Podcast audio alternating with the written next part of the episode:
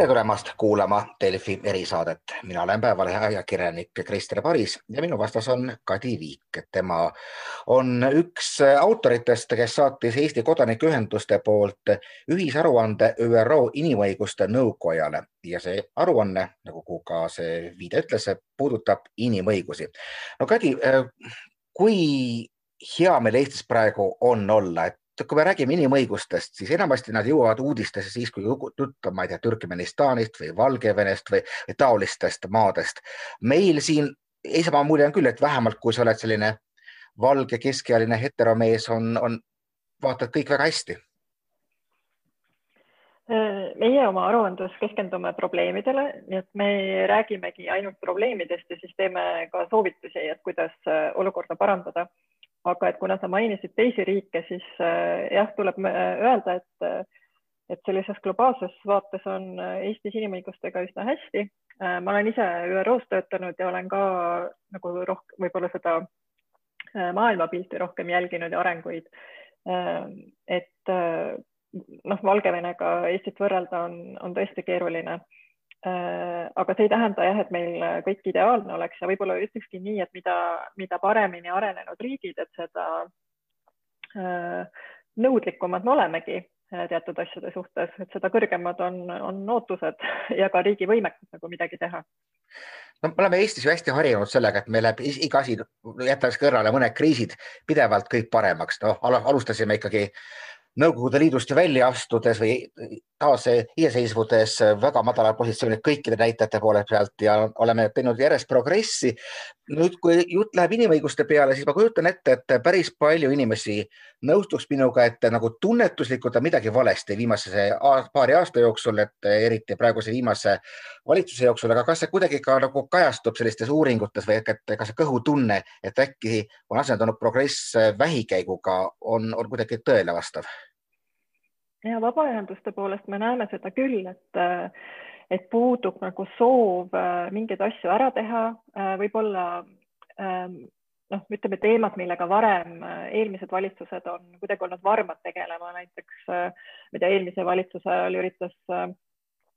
sotsiaalministeerium aktiivselt palgalõhe teemaga tegeleda, läks välja eelnõuga, et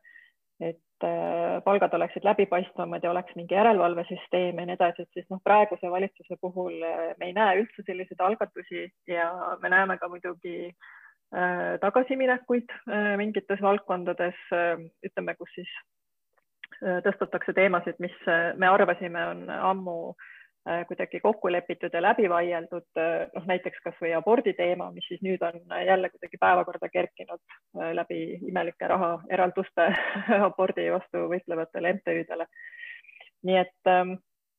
ähm, ma ütleks küll, et, et viimase paari aasta jooksul on inimõigustega tegelevatel organisatsioonidel nagu kõhedam võib-olla olla. kui vaadata seda noh, raportit siis nagu lähemalt ja seal on äh, palju punkte. ma tsiteerin kõigepealt äh, pressiteadet, et ähm, kus Eesti peaks tagama alaealistele psühhiaatrilise abi kättesaadavuse, muutma avaliku ruumi ligipääsetavamaks, kriminaliseerima vaenukõne ja leevendama naiste koormust mitteametlike hooldajatena. sellised äh, huvitavad teemad, mis tõesti on nagu üsna kaugel nendest maadest, kus on inimõigustega väga halvasti. aga et ähm, kus me nagu nende koha pealt siin king Eestis kõige rohkem pigistab? Me ei ole nagu päris edetabelit teinud, et, et selle raporti taga on kaheksa organisatsiooni ja need valdkonnad, nagu sa mainisid, ongi,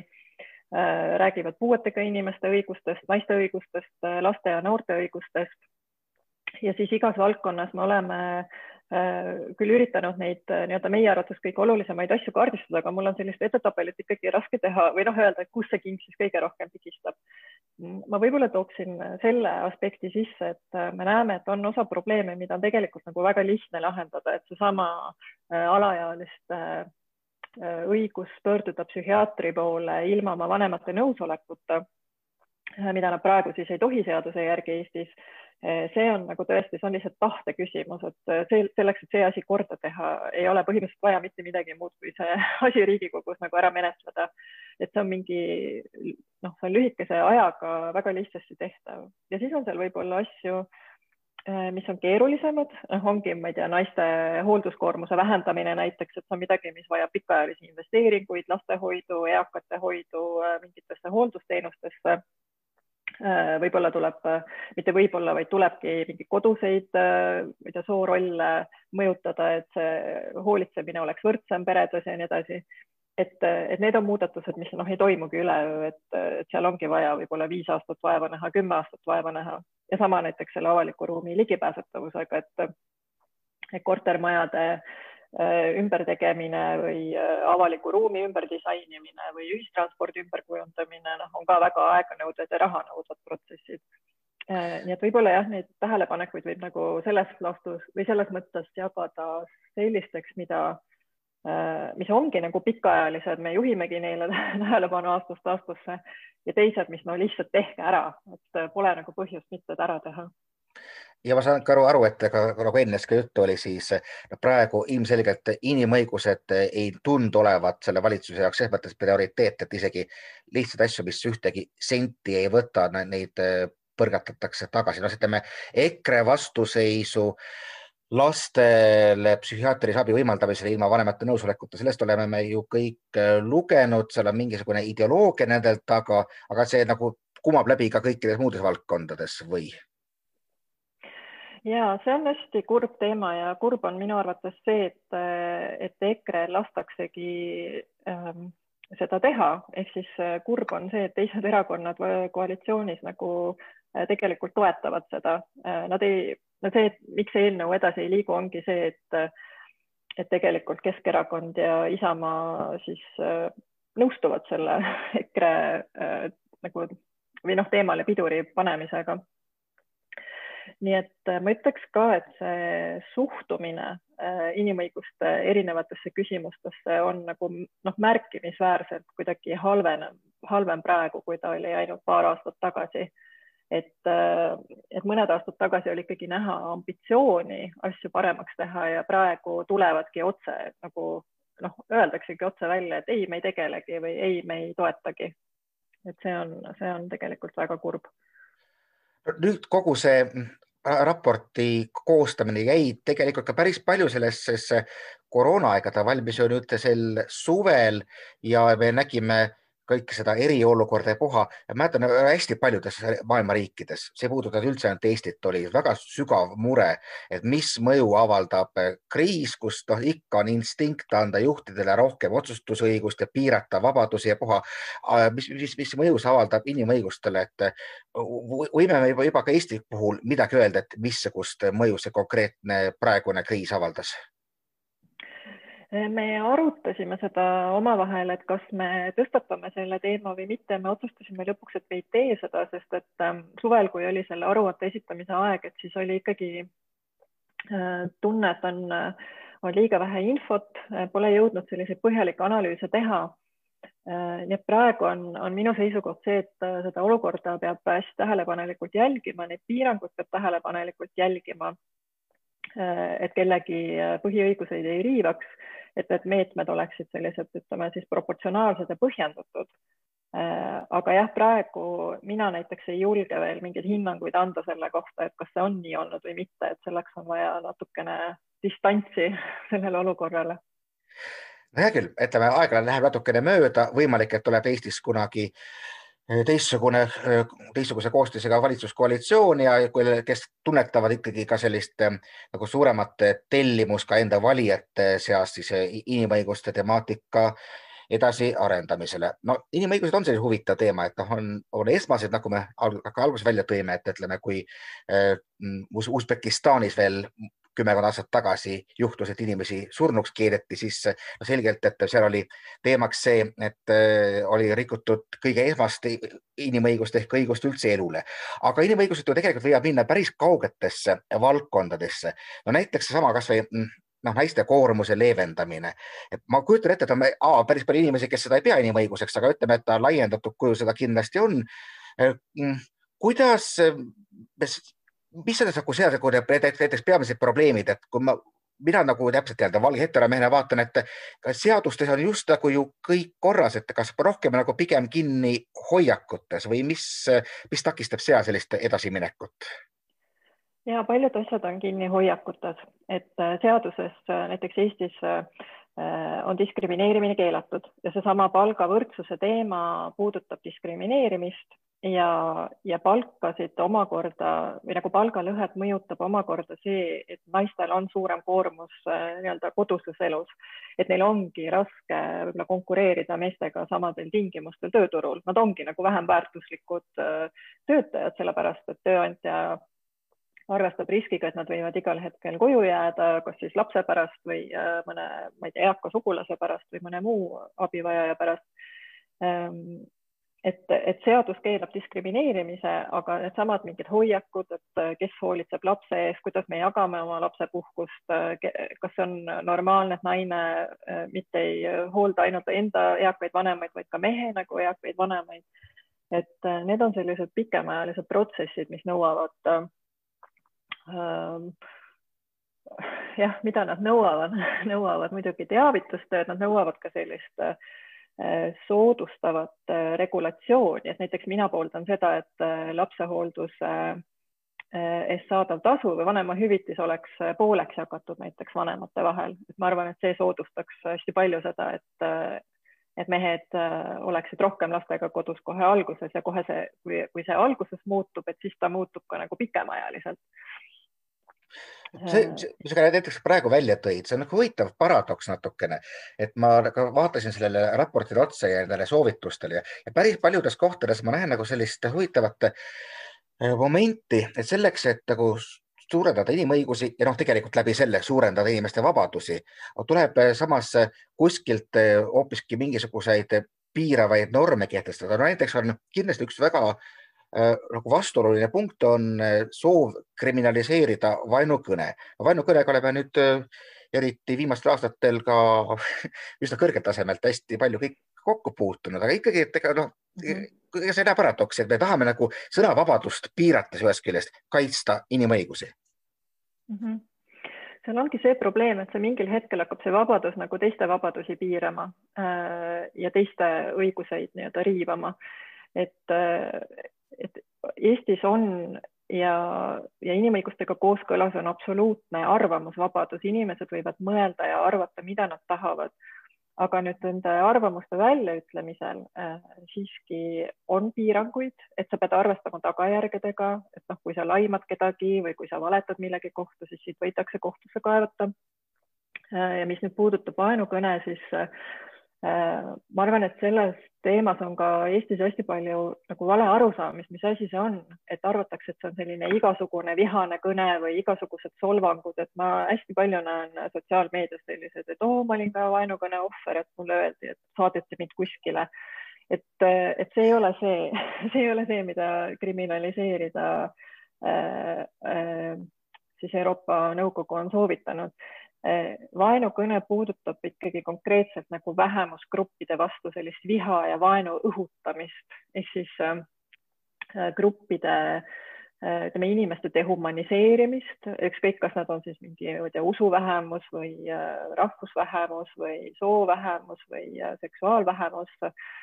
et siis selle grupi selline süstemaatiline Äh, halvustamine, ähvardamine, mis võib nagu päriselt kaasa tuua vägivalla tagajärje.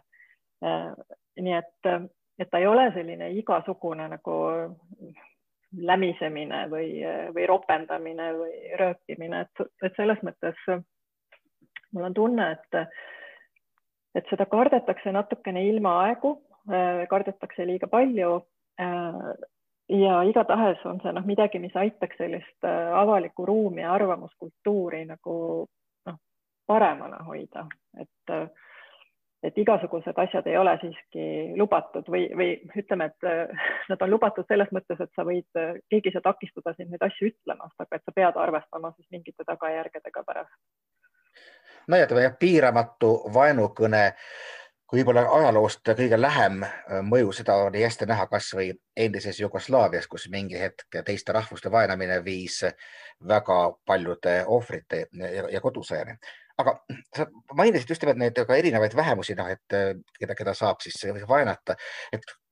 kui, kui hästi meil on nagu seadustes selles mõttes paigas noh, diskrimineerimise keeld, et seal on ilmselt veel võimalik, noh, valdkond iseenesest on võimalik viia lõpmatuseni ja mõnikord viia ka terve mõistuse vastase absurdini, aga kas on mingeid kohti, kus no, tingimata näeme, et on, on, on puudujääke? ja on küll puudujääke. Eestis on see probleem, et meil on põhiseaduse järgi diskrimineerimine keelatud aga kui nüüd eriseaduseid vaadata, meil on kaks eriseadust, üks on soolise võrdõiguslikkuse seadus, mis siis äh, soolist diskrimineerimist äh, puudutab ja teine on võrdse kohtlemise seadus, mis puudutab neid teisi nii, nii-öelda aluseid, äh, näiteks rahvust, keelt, seksuaalset sättumust, usku ja nii edasi, vanust. ja, ja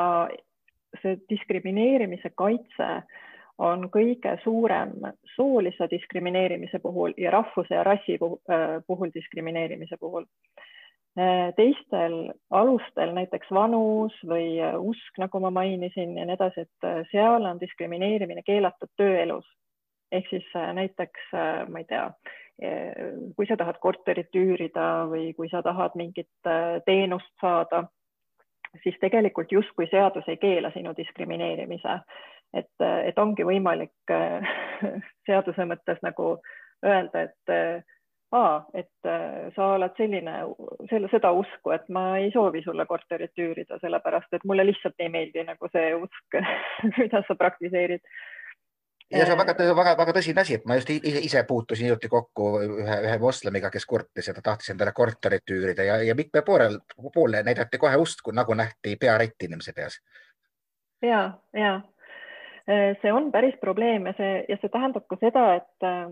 et see lünk seal seaduses, et neil ei ole justkui õigus äh, kompensatsiooni nõuda, kui nad kogevad diskrimineerimist. Ja neil ei ole ka õigus voliniku poole pöörduda, et muidu meil on olemas soolise võrdõiguslikkuse võrdse kohtlemise volinik, kes saab nõustada siis inimesi, kes kahtlustavad, et nad on diskrimineerimise ohvrid. Siis tegelikult see voliniku mandaat piirdub nagu sellega, mis on võrdse kohtlemise seaduses ära toodud, nii et et kui on selline juhtum, et äh, oli pearätt ja, ja ei äh, üüritud mulle korterit, siis sellel inimesel äh, noh, volinik võib teda nõustuda oma heast tahtest, aga sellist õiguslikku alust selleks ei ole. nii et jah, meie ettepanek on ühtlustada, et diskrimineerimine oleks keelatud punkt kõikides ühiskonnaelu valdkondades. ja et selliste erisuste tegemine ei ole põhiseadusega kooskõlas noh, praegu, kui kuum sõna on referendum, siis küsin ka, et kui hästi on vähemalt seaduste mõttes Eestis kaitstud seksuaalvähemused? Äh, LGBT inimeste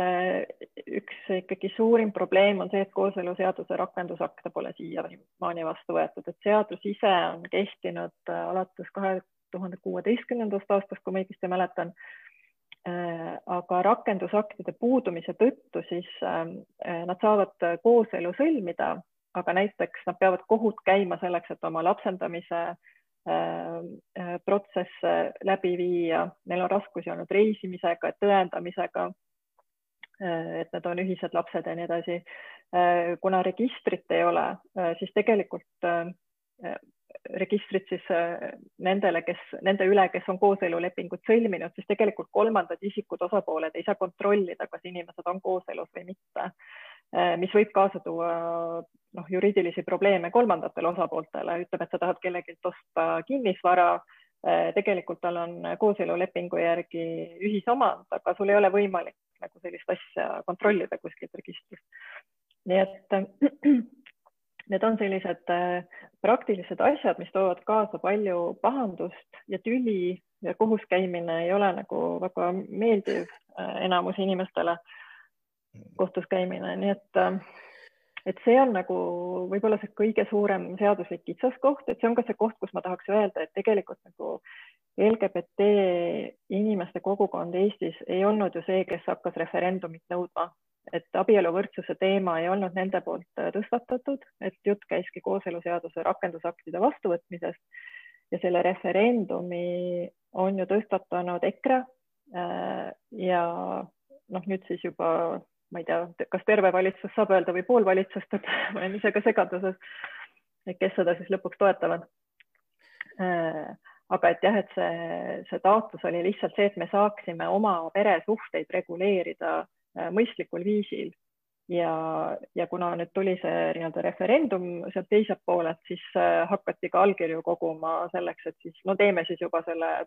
muudame siis selle perekonnaseaduse ära, et võimaldame kõigil abielluda. no vaatame, igatahes see on nüüd järgmisel nädalal Riigikogus arutlusel ja, ja tõesti, ega pole üldse päris kindel, kas see kas see kuskile ka jõuab. no võtame sellele raportile veel otsa, see on päris palju huvitavaid valdkondi, ma noppisin see paar punkti välja. üks näiteks on see, et mis puudutab noh, põhimõtteliselt siis lubatud seksuaalsuhte piiri tõstmist alaealise ja täiskasvanu vahel, kui ma nüüd seda õigesti tõlgendasin. ja teine ka näiteks mm, -hmm. et tõsta ka abiellumisiga, et, et jällegi kuskil meie koht, kus me nagu toome sisse rohkem regulatsioone, et Äh, saada rohkem vabadusi või inimõigusi, et saad sa natuke, natuke lahti seletada seda? ja äh, need ettepanekud on tegelikult naiste õiguste äh, teemal, sest et need puudutavad nagu proportsionaalselt rohkem siis tüdrukuid ja naisi. et Eestis on praegu perekonnaseaduse järgi võimalik abielluda kaheksateistaastaselt, aga kohtu loal on võimalik abielluda juba viieteistaastaselt ja see on väga-väga madal Äh, seda peetakse lapseabieluks, see on midagi, mille kohta ka näiteks ÜRO lasteorganisatsioon äh, UNICEF on teinud Eestile kriitikat. ja meie peame seda ka ebamõistlikult äh, madalaks. ma nüüd pean ütlema, et seda ei kasutata väga palju, seda on kasutatud rohkem. viimase kümne aasta jooksul on seda kasutatud kuskil äkki oli kas kaheksakümmend, umbes kaheksakümmend korda Äh, ja siis nendest äh, lastest siis omakorda kuskil üheksakümmend protsenti on tüdrukud olnud. ma kujutan ette, see on, et see, et see, et see on ennekõike juhul, kui on tulnud ootamatu raseduse, et umbes anda teatud kindlustunnet. ja, et see on, äh, ma ei usu, et see on Eestis midagi, mida kasutatakse nii-öelda sunniviisiliselt, et, et lapsi nagu sunnitakse nii-öelda abielluma, et kohus tuvastaks vast selle ära Äh, küsimus on, et miks see vajalik on ja kas saab ka ilma, et kas sul on võimalik neid äh, vajalikke mingeid toetust, hüvesid saada ilma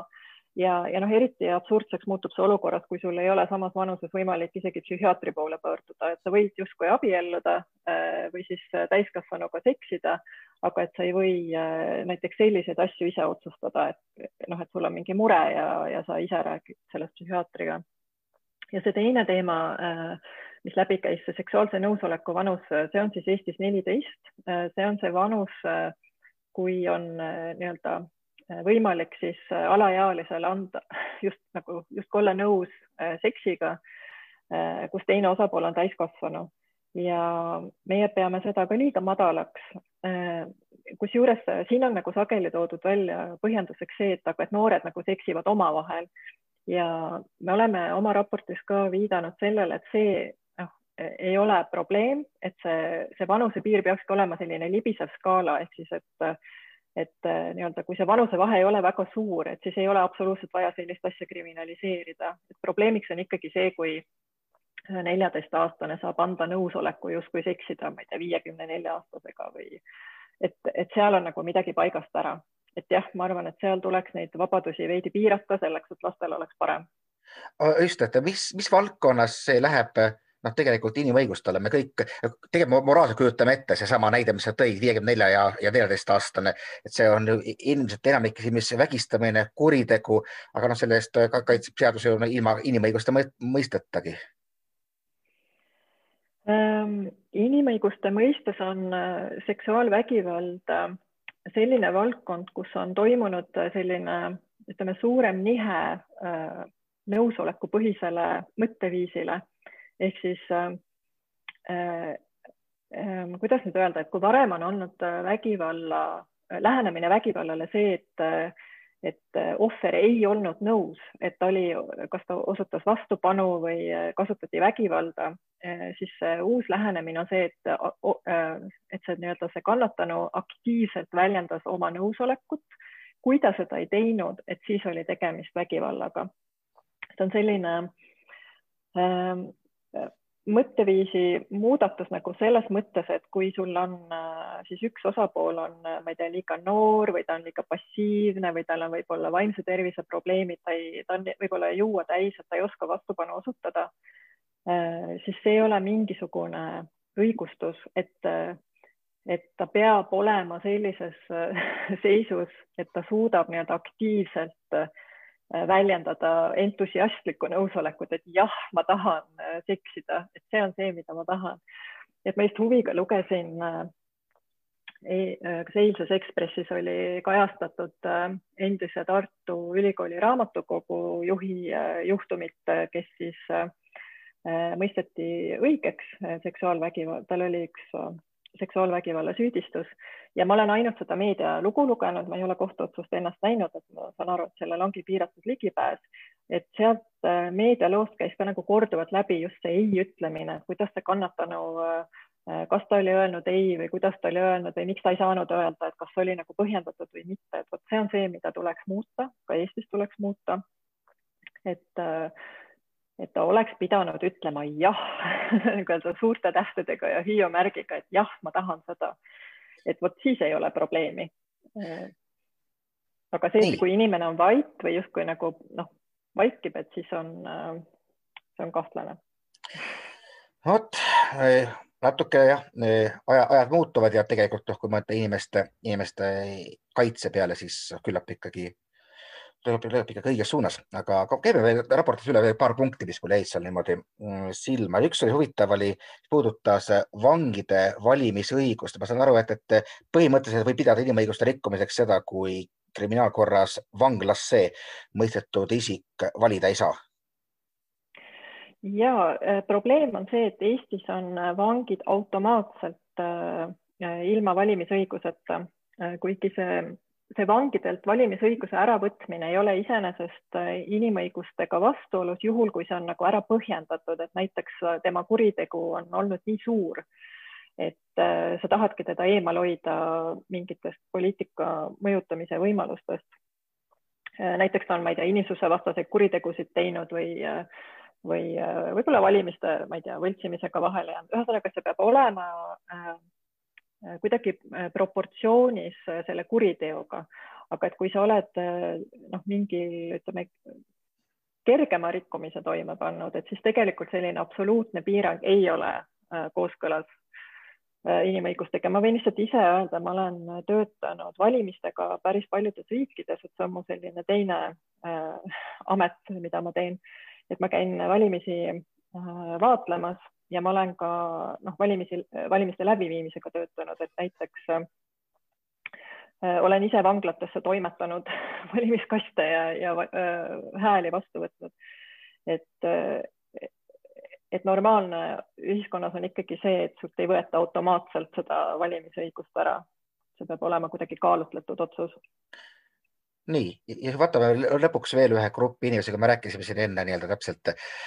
kõige paremini kaitstud elanikkonnagruppidest, me rääkisime siin nüüd naistest ja noortest ja, ja erinevatest vähemustest, siis mul jäi seda raportit lehitsedes mulje, et on üks grupp, kes on vaata et kõige vähem kaitstud. Need on need, keda, keda palju ka Eestisse ei oota, aga kes tulevad meie käest kaitset otsima, et pagulased, põgenikud, kuidas iganes me neid nimetame, et seal nemad kogevad äh, sõna otseses mõttes olukordi ka Eestis,